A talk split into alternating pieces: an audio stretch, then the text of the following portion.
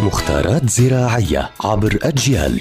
نتعرف في كل حلقة على سر من أسرار عالم الزراعة وفلاحة الأرض مع المهندس الزراعي مجدي عبد الله. يعطيكم ألف عافية. أهلا بكل متابعي ومتابعات أجيال عبر منصاتها المختلفة. رح نحكي اليوم عن موضوع مهم وهو أيضا الخميرة الخميرة اللي موجودة في البيوت الخميرة الفورية أو الخميرة المنزلية وفوائدها زراعيا. تخيلوا أن هاي الخميرة لها فوائد زراعية. أولا بدنا نتعلم طريقة خلط هاي الخميرة. بنجيب ملعقة خميرة صغيرة plus ملعقة سكر صغيرة مع لتر مي.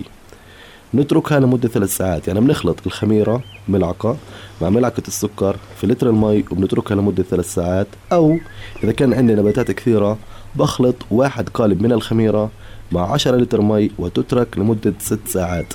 هاي الكمية بعد ما إحنا نتركها بنخففها في 200 لتر مي ثم ترش النباتات.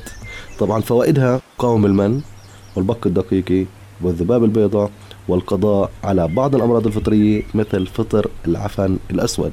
تخيلوا هاي الخميرة الموجودة في المنزل.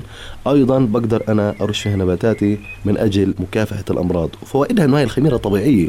يعني أنا بدل ما أرش مبيدات كيماوية على نبتتي لا برش مادة طبيعية على نبتتي وبستغل وجود الخميرة في المنزل.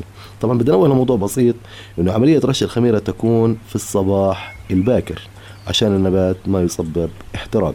هذا هو موضوعنا اليوم وهو الخميرة ومكوناتها وطريقة استخدامها ووظائفها زراعيا. ويعطيكم ألف عافية.